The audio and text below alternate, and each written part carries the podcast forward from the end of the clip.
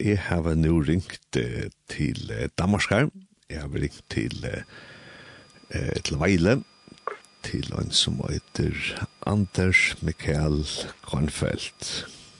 God dag, Anders. God dag, Jens. eh, ja, Anders, du er studenter og ungdomspræst i eh, Vejle, og vi skal yep. snakke noget om unge og sjælesov og hvordan de har haft det under corona, men, men kan du måske starte med bare at fortælle lidt om dig selv, Anders Michael? Jamen, det kan jeg.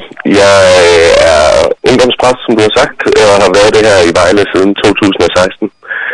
Så har jeg jo sådan øh, fået lov til ligesom at, at altså, ja, være præst og have samtaler både før og efter og under corona, kan man sige. Ja. Så, øh, det og, og det at være ungdomspræst her i Vejle vil sige, at vi har sådan nogle netværksgrupper, og øh, blandt andet sådan sovegrupper for unge, der har mistet, øh, og mødergrupper for unge mødre, og så øh, laver vi selvfølgelig også nogle arrangementer øh, for unge øh, og gudstjenester og sådan. Og ellers så en stor del af mit arbejde er netop sjælesorg samtaler. Så det och det vil säga Anders Mikael at, at du hører til en bestemt øh, folkekirke eller bestemt sovn, eller er du liksom tilknyttet til hele byen i Vejle? Ja, jeg har sådan set øh, det, der hedder en prosti øh, funktionspræst, så det vil sige, jeg er delt mellem 26 sovne her i Vejle. Øh, og så har jeg så målgruppen, der hedder de 15 til, ja, nu har vi så flyttet lidt op til 15 til 29-årige, øh, men, men øh, i, i de her 26 sovne, så det er øh, en menighed på en 15.000 stykker sådan øh, på papiret. Så, men øh, vi prøver ligesom at lave mange ting inde i Vejle, fordi mange af de unge mennesker også kommer hen og går i skole og altså, søger uddannelse og flytter ind til byen. Så, så vi er sådan, mange af vores aktiviteter foregår i Vejle, men vi laver også øh, arbejde rundt omkring i de små sovne. ehm ja.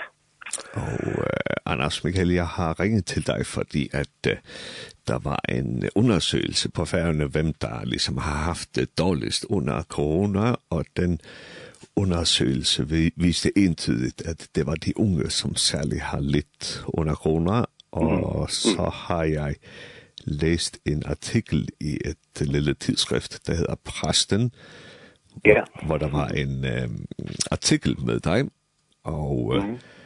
og der siger du i den artikel, at der er mange unge, der har haft brug for sjælesovriske samtaler under coronaperioden, mm og så ser du, at et fælles tema, som ligesom det er kommet til dig med, det er meningsløshed. Har du nogle yeah. eksempler måske af, af sådan nogle unge, som du har haft uh, samtale med under corona?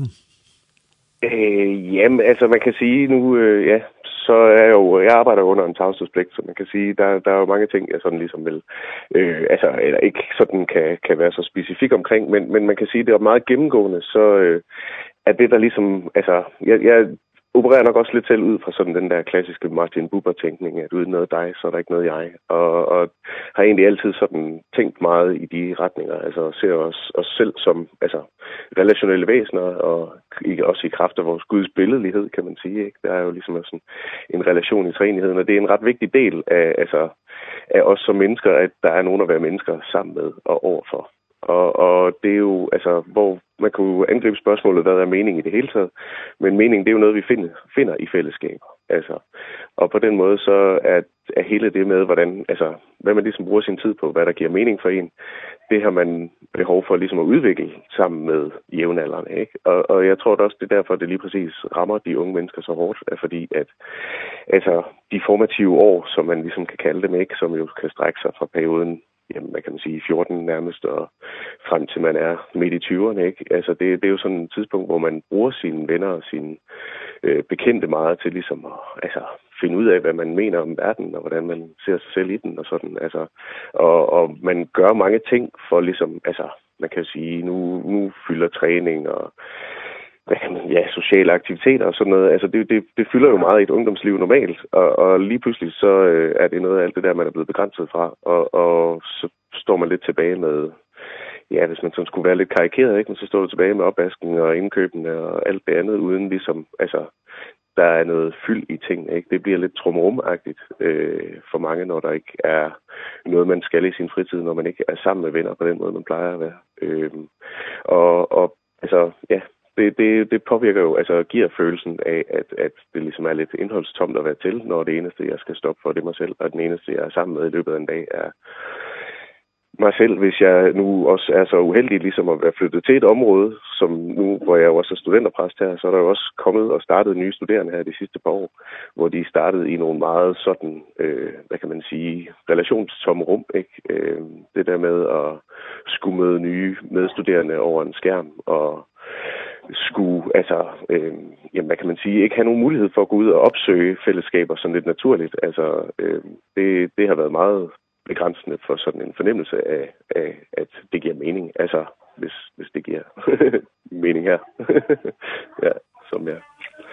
Og og altså der der, der tror jeg at øh, at altså det det vi kan jo sige vi vi er ældre. Vi har jo også blevet meget ramt af det. Altså er jo også blevet ramt på den her følelse af altså selv at skulle på en eller anden måde skabe systemer og skabe strukturer i sin hverdag, men men vi har jo også en ballast, vi har jo nogle erfaringer, nogle altså oplevelser fra tidligere, som vi liksom kan falde tilbage på af hvad der er normalt. Men men når man er 16 og liksom på vej ud i et voksenliv, så er normalitet lige pludselig øh, altså lidt mere til debat kan man sige, ikke? Og og øh, der er den her følelse af at stikke ud og være ved siden af hører jo også lidt til en en altså en formativ tid, ikke? Øh, og, og når der ikke liksom er nogen at dele den med og snakke med andre om og høre, at det også er noget, der trykker dem. Altså, man kan sige, vi skal jo, vi skal jo snakke sammen for ligesom at finde ud af, hvad, ja, hvordan vi altså, er fælles om ting, ikke? Hvad, hvad det er, der har værdi. Øh, så en lidt længere forklaring, men håber, den giver mening. Og, og Anders Michael, som du siger, det, det er lidt forbundet måske med ensomhed, ikke? At som du siger, at når man er ung, så dyrker man, man idræt, du går til mm. fester på gymnasiet og på din uddannelse, mm. du, du tager til studietur og alt det her, og det har de så været afskåret fra i, i de her næsten to år nu, ikke? Ja, lige præcis, lige præcis.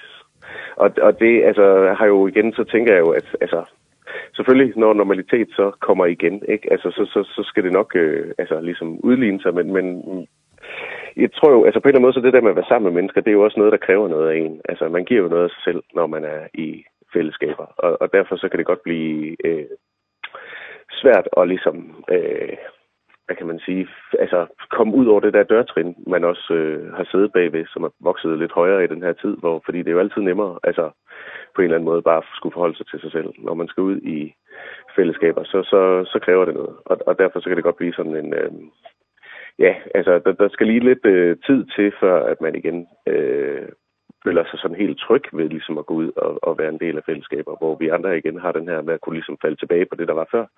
Så er der for nogen, så er det sådan lidt en ny verden, øh, vi er på vej ind i. Og ja, uheldigvis så er der jo kun kommet lidt flere bekymringer til her siden sidst, men øh, det er jo desværre situationen lige nu.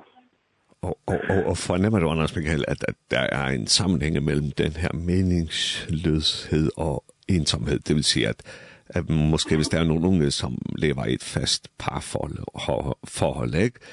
og nogle andre unge, som måske er, er single, har de været ligesom mere ramt, dem som er single?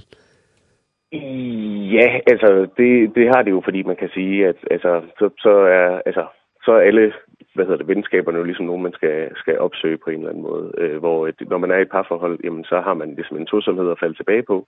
Men, men samtidig med, så er der også øh, nogen for hvem den tosomhed, den også kan blive lidt overbelastet i den her tid. Ikke? Øh, fordi man så ligesom kun har hinanden, altså, og det kan godt blive øh, lidt for hvad kan man sige, øh, intenst, ikke? Altså i en periode, hvor man ligesom også øh, altså, måske er lidt mere afsøgende over for det her med øh, at finde en kæreste og ting og sager, ikke? Altså, der er lige pludselig så... Øh, så så er det meget altså så er det meget intenst at skulle skulle kun være sammen med sin kæreste i en eller anden udstrækning. Øh, så så for nogen der er så parforholdet også blevet lidt belastet øh, af at, at være i isolation sammen.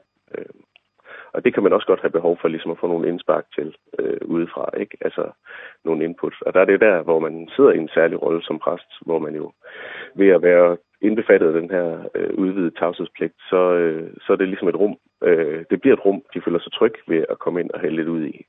Hvor man kan sige, at mange andre samtalerum, og, og altså hvis det er sådan... Altså, det, den samtale, man lidt man kunne få i den her tid professionelt, øh, har jo enten været behandler, eller altså, så på den måde, så, øh, altså, så er der blevet meget professionelle øh, sådan aflastninger, men, men, men de, altså, det der egentlig er behov for, det er en medmenneskelighed, ikke? Og, og derfor så kan man sige, at øh, sjælesorgen, som jeg oplever det, er virkelig altså, taget til i mit arbejde, og der er mange, der er blevet opmærksom på mig, fordi de også har behov for at få nogle input udefra, fordi at osteklokkerne rundt omkring er blevet meget øh, lukket, hvis man kan sige det sådan. Ja. Nu nævner du selv Martin Buber, Ja, Anders Michael, som jeg også er glad for, så det var fint. Ja, ja. Men, øh, og jeg kunne også fornemme i artiklen med, med, at du beskriver det som meningsløshed, at det er noget eksistentielt, som jeg også selv har arbejdet meget med. Men, men øh, hvis jeg så ligesom spørger dig, har, har du lært noget om det her fænomen, kunne vi kalde det, med meningsløshed blandt unge? Altså, er du blevet klogere igennem corona på, måske det her fænomen, der hedder meningsløshed? Ja, altså jeg vil da sige, at jeg er blevet meget opmærksom på, hvor, hvor, altså, hvor relationsbetinget mening er. Ikke? Altså, og på den måde så har man jo lært noget om, hvordan altså, at meningsløshed selvfølgelig altså, er lidt en, en, en bred side, eller hvad hedder sådan, en, en følgevirkning af, af en ensomhed. Ikke? Altså hvordan de to ting ligesom er bundet sammen, tænker jeg, er blevet mere tydeligt for mig. Og, og man kan jo sige, at igen, så kan man komme ind og snakke om at være ensom, men, men det er jo stadigvæk noget, når man også ligesom har konstateret, at man er det, der kræver noget handling fra ens side. Ikke? Og altså det her med at ligesom på en eller anden måde motivere til, hjælp til og altså fortælle om lidt, altså hvordan man kan sige, hvordan verden har været før i tiden, og at altså jo, der er noget på spil, når man melder sig ind i ting, eller når man tager del i et fællesskab, men at altså ligesom kunne gøre tydeligt for de unge også, hvor vigtigt det stadig er, altså at gøre, ikke? Øhm, Så, så på den måde, så altså, meget af min Meget af mine sjælesomsamtaler her har jo også på en eller anden måde været lidt at prøve at motivere dem til at ture og lidt gå ud og, og tage del i verden igen. Ikke? Øh, men, men selvfølgelig, altså, igen har det jo også været svært at, at, at altså, finde ligesom, de arenaer, eller kunne komme med nogle konkrete forslag til, hvor det er, man ligesom, kan gå hen og, og prøve sig selv af. Altså, fordi øh, ja, som jo også, særligt med de studerende, ikke, så, så kan man jo sige, at, at noget af det der med at være studerende, det er jo også, altså, øh, det er skide hårdt, ikke? Der er meget, man skal se til, der er meget, man skal øh, læse op på og holde øje med, men, men der er også meget, man måske ligesom oplever, at man ikke lige forstår med det samme. Og altså, det der med bare at have en tilfældig øh, afslappet snak i en kantine om det, man ikke forstår, er jo som set lige så vigtigt, altså, for det der med at få altså gejst til at fortsætte en uddannelse eller altså du ved det er jo sådan jamen hvis man sådan lidt overordnet skal sige det ikke så så er det øh, så er det ret ret essentielt at man får chancen for at snakke om den her meningsløshed med hinanden også. Altså turde at tage det op mellem jævnaldrende øh, og og og den øh, altså hvad kan man sige det er ikke at være så bange for at gå ind i følelsen tror jeg også er blevet øh, altså eller noget jeg har lært meget af øh, liksom at, at tage den alvorligt, i stedet for bare sådan at ville feje den af bordet, kan man sige, men, men simpelthen forstå, hvor det er, den sidder i de unges øh, bevidsthed, hvis man kan sige det sådan. Altså, øh. Ellers, Anders, nu, nu er det dig, som ligesom skal snakke men Jeg må lige spille ind med et point. ja da, ja da. Det er, at, at, at du, du, du starter med at, at snakke om, at vi er relationelle væsener øh, som mennesker, mm. ikke? og mm. du henviser til uh, treenheden med mm. Gud, fader og søn, søn som mm. er tre personer, som er forbundet i en relation, og, og der er også mange, der viser til uh, skabelsesfortællingen, at Gud har skabt mennesker som mand og kvinde, det vil sige, der er to uh, i, i fortællingen, ikke? som har en relation. Jo. Jo. Uh, men så lidt her noget om, at, uh, at, uh, at måske kirken tit... Uh, øh, og jeg har selv arbejdet meget med ledelse, at, mm. at, at, at det her med det relationelle, øh, som jeg også synes er meget vigtigt, men, men man kan tit måske høre kvinder, som, øh, som pointerer meget det her relationelle, ikke? og så læser jeg en, en artikel, hvor hvis man bruger skabelsesfortællingen, at vi er skabt som øh, relationelle mennesker, men mm. vi er også skabt som mennesker, som har behov for en mening, og der argumenterede han ud fra, at vi som mennesker er skabt til at arbejde.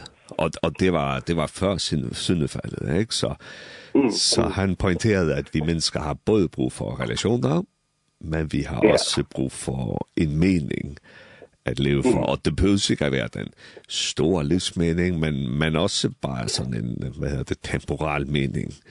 Der, ja, som man er i altså, den her ja. uge, eller i den her dag, ikke? At man ligesom vil kæmpe for mm. noget.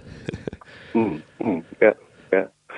Ja, ja, og altså, det, det var sådan lidt tilbage til det der også, som var omkring med strukturerne i ens hverdag, ikke? Altså, man kan sige, at det der med lige præcis at føle, at man er en del af det større fællesskab også. Altså, det, den, hele den måde at tænke på er jo blevet udfordret af det her med, ligesom, altså også at få gjort klart, hvad der ikke ligesom har været behov for, eller hvad man kan sige, hvor, øh, altså, hvor man er blevet sendt hjem, ikke? Og, og, og det, det er jo på en eller anden måde, altså, så kan man sige, lige den ting, du snakker om her, ikke med at føle, at ens altså, rolle i verden ligesom har betydning, det er jo sværere at altså, opretholde, når man det igen, altså, når man ligesom bliver sendt hjem, ikke, og bare bliver bedt om at passe sig selv i en periode. Altså, så, øh, så kan det også være, altså, du ved, ja, så, så bliver det sådan lidt tydeligt for en, at man kan sige, lige pludselig så bærer man også noget af den, altså, forståelse selv, ikke, hvor, hvor man, altså, ja, hvor vi måske mere i vores altså, opvækst og alting har, har set det som en naturlig ting at gå ud og tage del i. Så lige pludselig så er der blevet relativeret nogle basale ting omkring det der med, hvordan det er at tage del i et fællesskab, eller være en del af det store fællesskab med de opgaver og ting og sager, vi nu løser i løbet af en dag. Ikke? Øhm, og, og den der relativitet er jo lige præcis sådan med til at, at underminere følelsen af sådan en eller anden, altså objektiv meningsløshed, hvis man kan sige det, eller meningsfuldhed, kan man sige på den måde. Ikke? Altså, øh, Så, og, og det igen tror jeg også har ramt altså, voksne mennesker på en eller anden måde, så kan man sige, at altså, nogle gange så kan det blive sådan lidt kunstigt for skælden mellem unge og voksne, fordi at der er nogle ting, som altså, jo også har påvirket os, og man kan jo også mærke på, altså, jeg ved ikke, jeg har også selv lige mærket nu, hvor alting åbnede igen, ikke? At, at det der med, øh, altså, Øh, jeg mener, jeg selv oplevede, hvordan det lige var at blive lukket ned for som kirke, ikke? Altså, det var jo frygteligt, altså, i en eller anden udstrækning, at, at lige pludselig så, jamen, nå, ikke? Altså, noget, som man til dagligt, øh, altså, bruger enormt meget tid på, og lige pludselig så blev man bare bedt om at blive derhjemme, og, og kirken lukkede, ikke? Altså, det var jo en frygtelig sådan,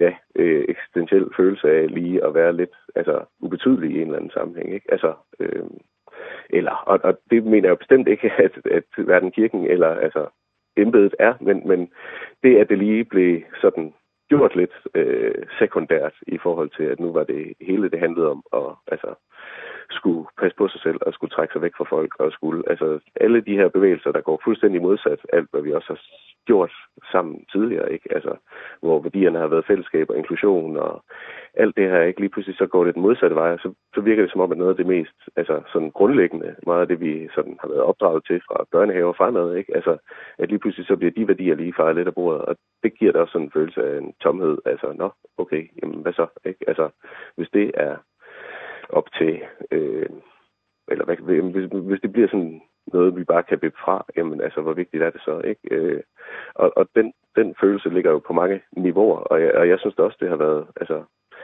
en ret hård ting, som ligesom selv også skulle altså sidde med lidt af den samme følelse og så på samme tid ligesom prøve at altså igen holde fast ved at der var noget normalt før, ikke? Og det er det vi skal tilbage til. Altså en det er inklusion igen, det er fællesskabet, det er øh, at tage del i det store, ikke? Vi vi ligesom altså skal have på banen igen, men, men det, øh, altså, når man igen har gået i to år i et ungdomsliv, hvor man som først lige nærmest har fået blik for, ikke? altså lige fået løftet blikket fra sin egen verden, måske, og så skal kigge ud i den store verden, og pludselig så bliver den lukket lidt ned. Det er også en, altså, ja, et paradoks, ikke? Og, og en øh, meget øh, ja, underminerende følelse for, for, hvad meningen egentlig i det hele taget er. Øh,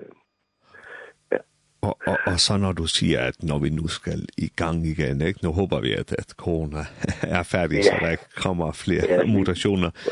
Men, Nej, lige præcis. Men når vi så måske skal have nogle arrangementer for unge specielt, som, som du så gør mm. nogle gange, ikke? Mm.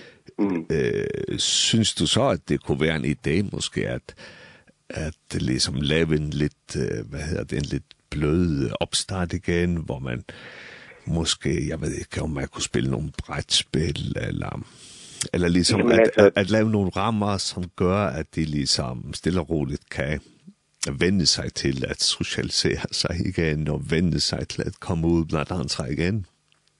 Jamen, altså, det tror jeg er helt bestemt. Altså, men, men den er også sådan lidt dobbelt, ikke? Fordi det er også lidt som os som arrangør, at så skal vi måske også sådan, altså, på en eller anden måde sætte forventningerne et andet sted i forhold til, hvor mange der kommer ud. Samtidig med, at man ligesom også er lidt insisterende på, at, øh, at øh, undskyld, der gik der lige noget larm gang her, som vi videre mig det. Sorry. øh, at, altså, at man... Øh, Undskyld, jeg tabte simpelthen lige tråden. Der var lige en stor... Ja, ja, jeg spurgte om, om, om ligesom, om når vi starter igen med, med de unge, ikke? skal vi så bare ja, om køre... Vi skal være forsigtige. Skal, ja, skal vi ja. køre lige på, som vi plejer med prædikner med salmer og bla bla bla bla bla, eller skal vi måske tænke, at ah, måske er der lidt brug for, at at liksom at starte stille og roligt op, og måske også vende dem til at socialisere sig igen, for de har jo siddet alene i, i to år næsten, ikke? Jo, jo.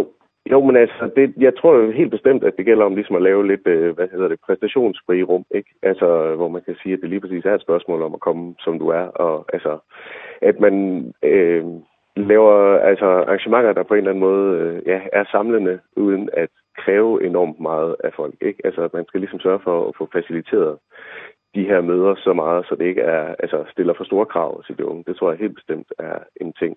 Men men Øhm, altså jeg vil jo sige det der med brætspil og ting og sager, det har vi så set brugt ret meget i mange af vores ting i forvejen. Altså fordi at det jo generelt altså har der jo og, og det er jo også en af de der ting der måske også fylder lidt meget for de unge, ikke? At at de har lang tid ligesom levet i det her påbudspres, som vi kalder det lidt. Ikke? Altså, at man kan sige, at du skal være lykkelig, og du skal gå ud og få dig et arbejde. Og du skal... Altså, der har været mange forventninger til de unge mennesker i lang tid.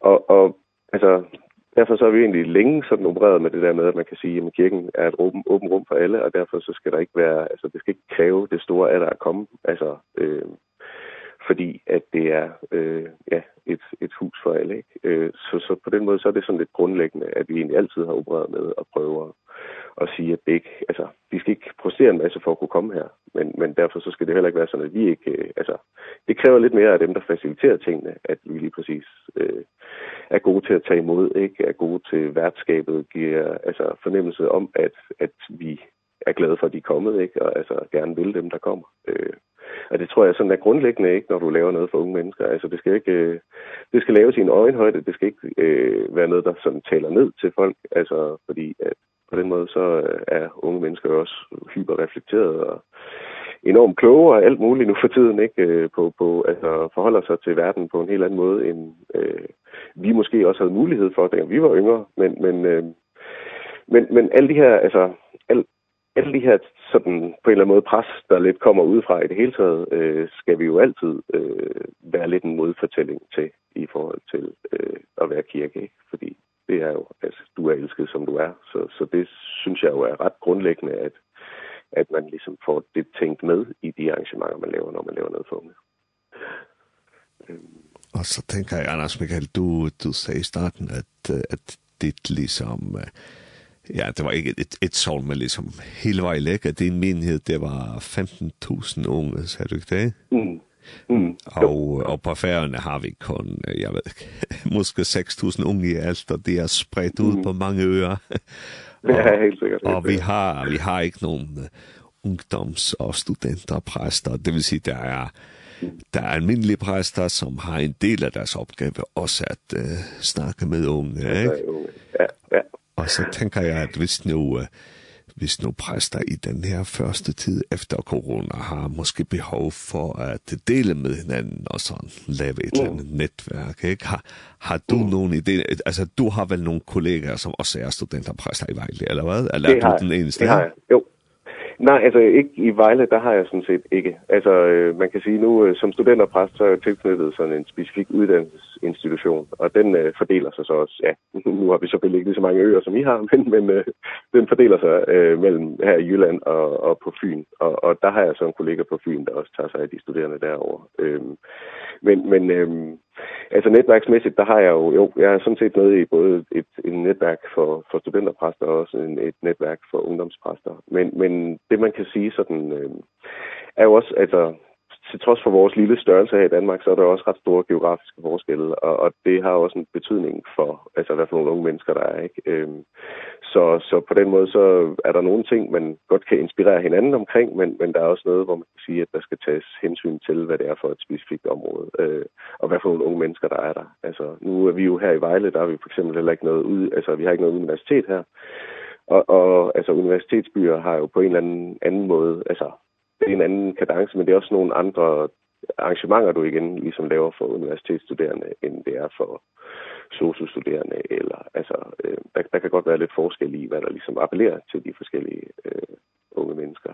Men jeg tror, det der sådan er mest grundlæggende egentlig, øh, vil jeg sige, at det er sådan, hvis jeg skulle slå et slag for noget i forhold til sådan noget koordineret ungdomsarbejde, så tror jeg måske, det er det der med at ligesom at altså det tydeliggør at, at vi som set altså, har det tilbud, vi har. Ikke? Fordi at Ja, i hvert fald her nede i Danmark, der vil jeg sige, situationen er jo meget, så de unge mennesker er klar over, at de kan få hjælp rundt omkring, men, men det, den hjælp, de kan få, er altså enten behandling eller altså, øh, noget studievejledning, men, men så er det også noget, der sådan igen journaliseres og har et formål med enten at holde folk som studerende, eller altså holde dem fra at droppe ud og sådan noget. Ikke? Altså, der, der er meget øh, få rum for bare sådan en medmenneskelig samtale. Altså, og, og det er jo desværre lidt en, en effekt af, altså, som, hvad kan man sige, digitaliseringen har jo også en betydning ind i det, og sådan, øh, altså, der, der, der, Ja, den har også den betydning, at, at vi heller ikke snakker så meget med vores og forældre. Det bliver der jo lavet undersøgelser om, ikke? Altså, hvor, hvor man har spurgt de unge mennesker, hvem deres primære voksenkontakt er, og, eller hvem, om de føler, at de kan snakke med en voksen, der ikke er deres forældre. Og, og den procentdel er blevet mindre og mindre af unge mennesker, der naturligt gør det. Øh, fordi vi selvfølgelig også har en mobiltelefon i lommen, der altid vil os, og vi kan altid sammenligne os med jævnaldrende. Men nogle gange så er det der voksne input øh, er efterspurgt. Altså, og... og øh, jeg tror egentlig, ja, man kan sige, det, det man nok skal allermest, det er at gøre tydeligt, at man sidder der er klar til at kunne snakke, og at det er en snak, man kan få med nogen, hvor den ikke bevæger sig videre, og det ikke er noget, de nødvendigvis altså, øh, får kastet i hovedet, eller det er bestemt ikke noget, de får, får smidt i nakken øh, på et senere tidspunkt i deres liv. Altså det er... Øh, det, det tror jeg er ret vigtigt, øh, at, at tydeliggøre øh, tilbuddet sådan set. Fordi ja, som jeg også oplevede, så har jeg gjort meget øh, reklame på studiestederne for min øh, altså for at jeg sidder der ikke, og at muligheden er der, men, men corona, øh, så var reklamen overhovedet ikke nødvendig. Altså så gik jeg ind og fandt mig selv øh, gennem hjemmesider og opslag og søgninger og ting og sager, ikke? fordi at øh, behovet for den samtale er der. Altså, og jeg tror, at det, den bliver ikke mindre lige forløbig. Altså, fordi at der er så meget efter dønning på alverdens, ikke? Og nu igen hele situationen i Ukraine giver også, altså der er også øh, meget, altså det sætter gang i mange tanker, som man kan have lyst til at snakke med en voksen om. Altså, øh, og, og der, der tror jeg, at, øh, at det vi som kirke er der, og har nogle tydelige voksne, der er interesseret i samtalen, og interesseret i folks, altså nu ved jeg godt, at jeg igen understreger igen og igen, at vi ikke behandler, men samtidig med, så er det jo, altså, så tager vi den snak for at afhjælpe noget, og det er lidt et tryk, øh, altså, at give en ny, et, et nyt perspektiv, give en vinkel ind på ting, som, øh, som er noget andet end det, man selv lige kan gå og tænke sig selv ned i, eller hvad kan man sige, fange sig selv i. Øh.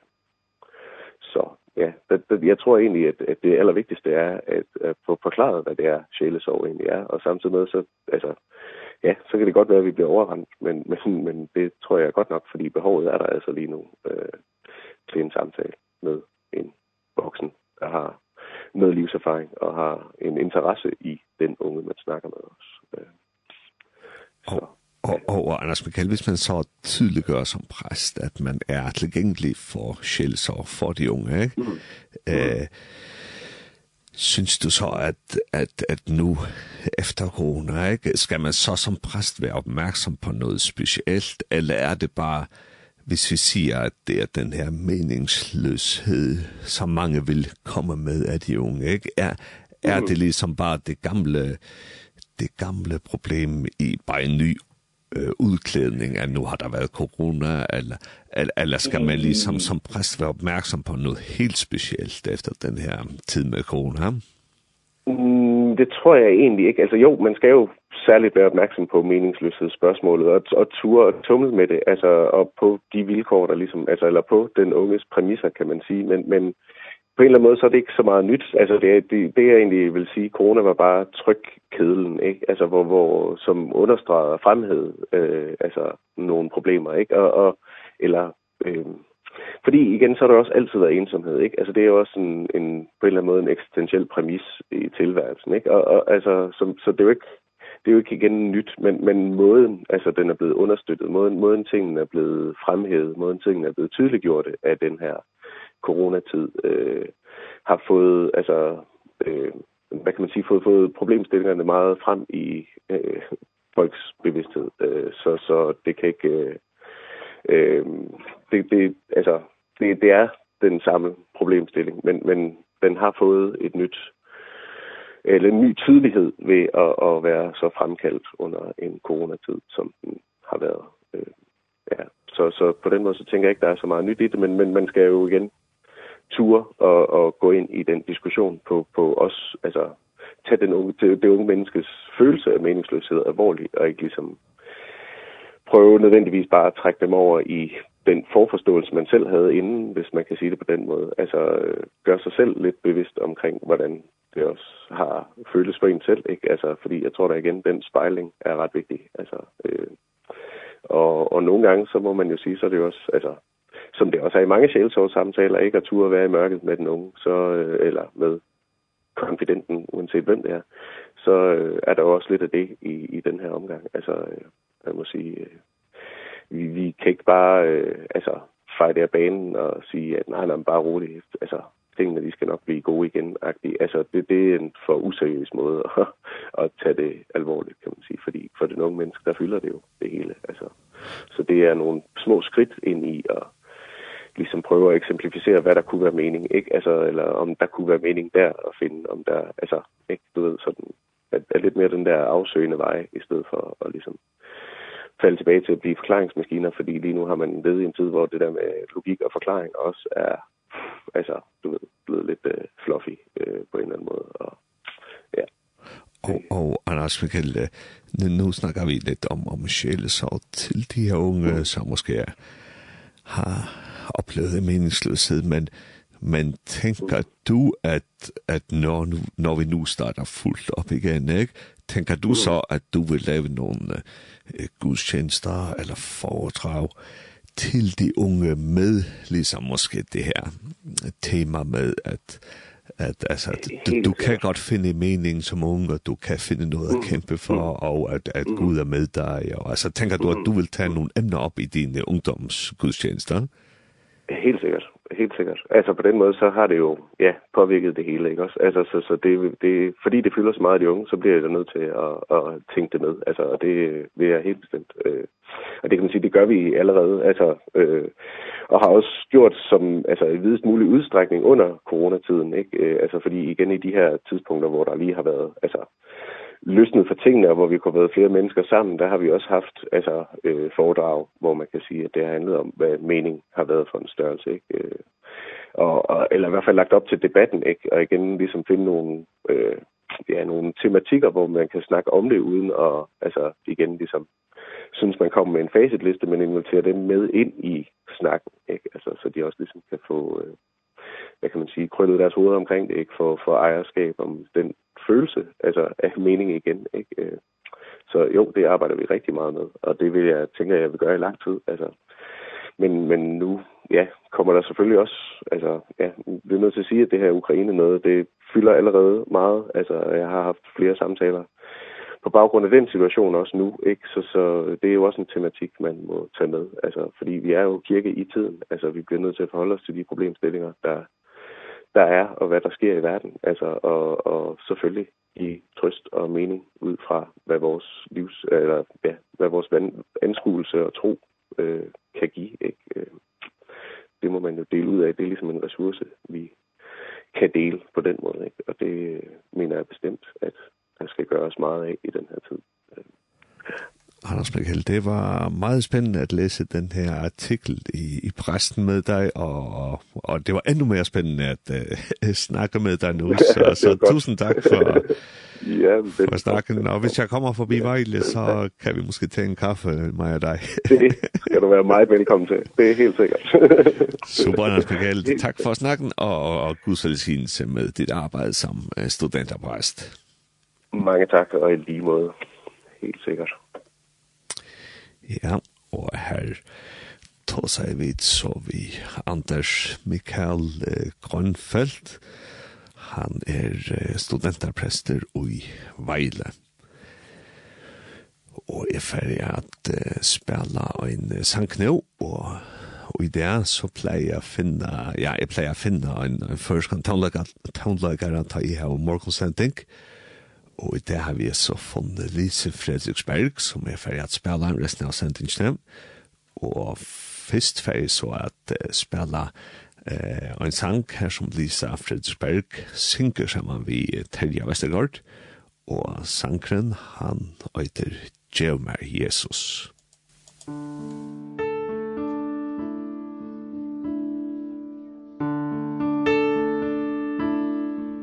Orla kvörja morgonstund Etter trygga nåttar blod Arren dagsins fyrsta fond Ge mig Jesu. Ge mig Jesus Ge mig Jesus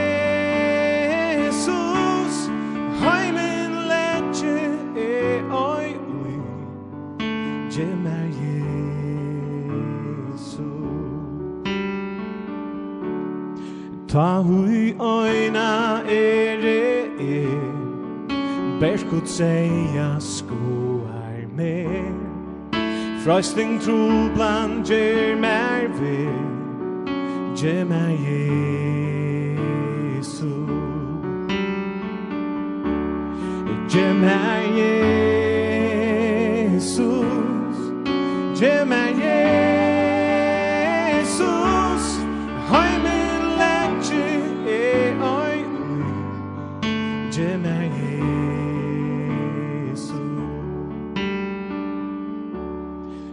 hui dein kjemur nær. Kjøtt og hjärsta møyra slær. Heimland hømast fyre mer Gjemmer jeg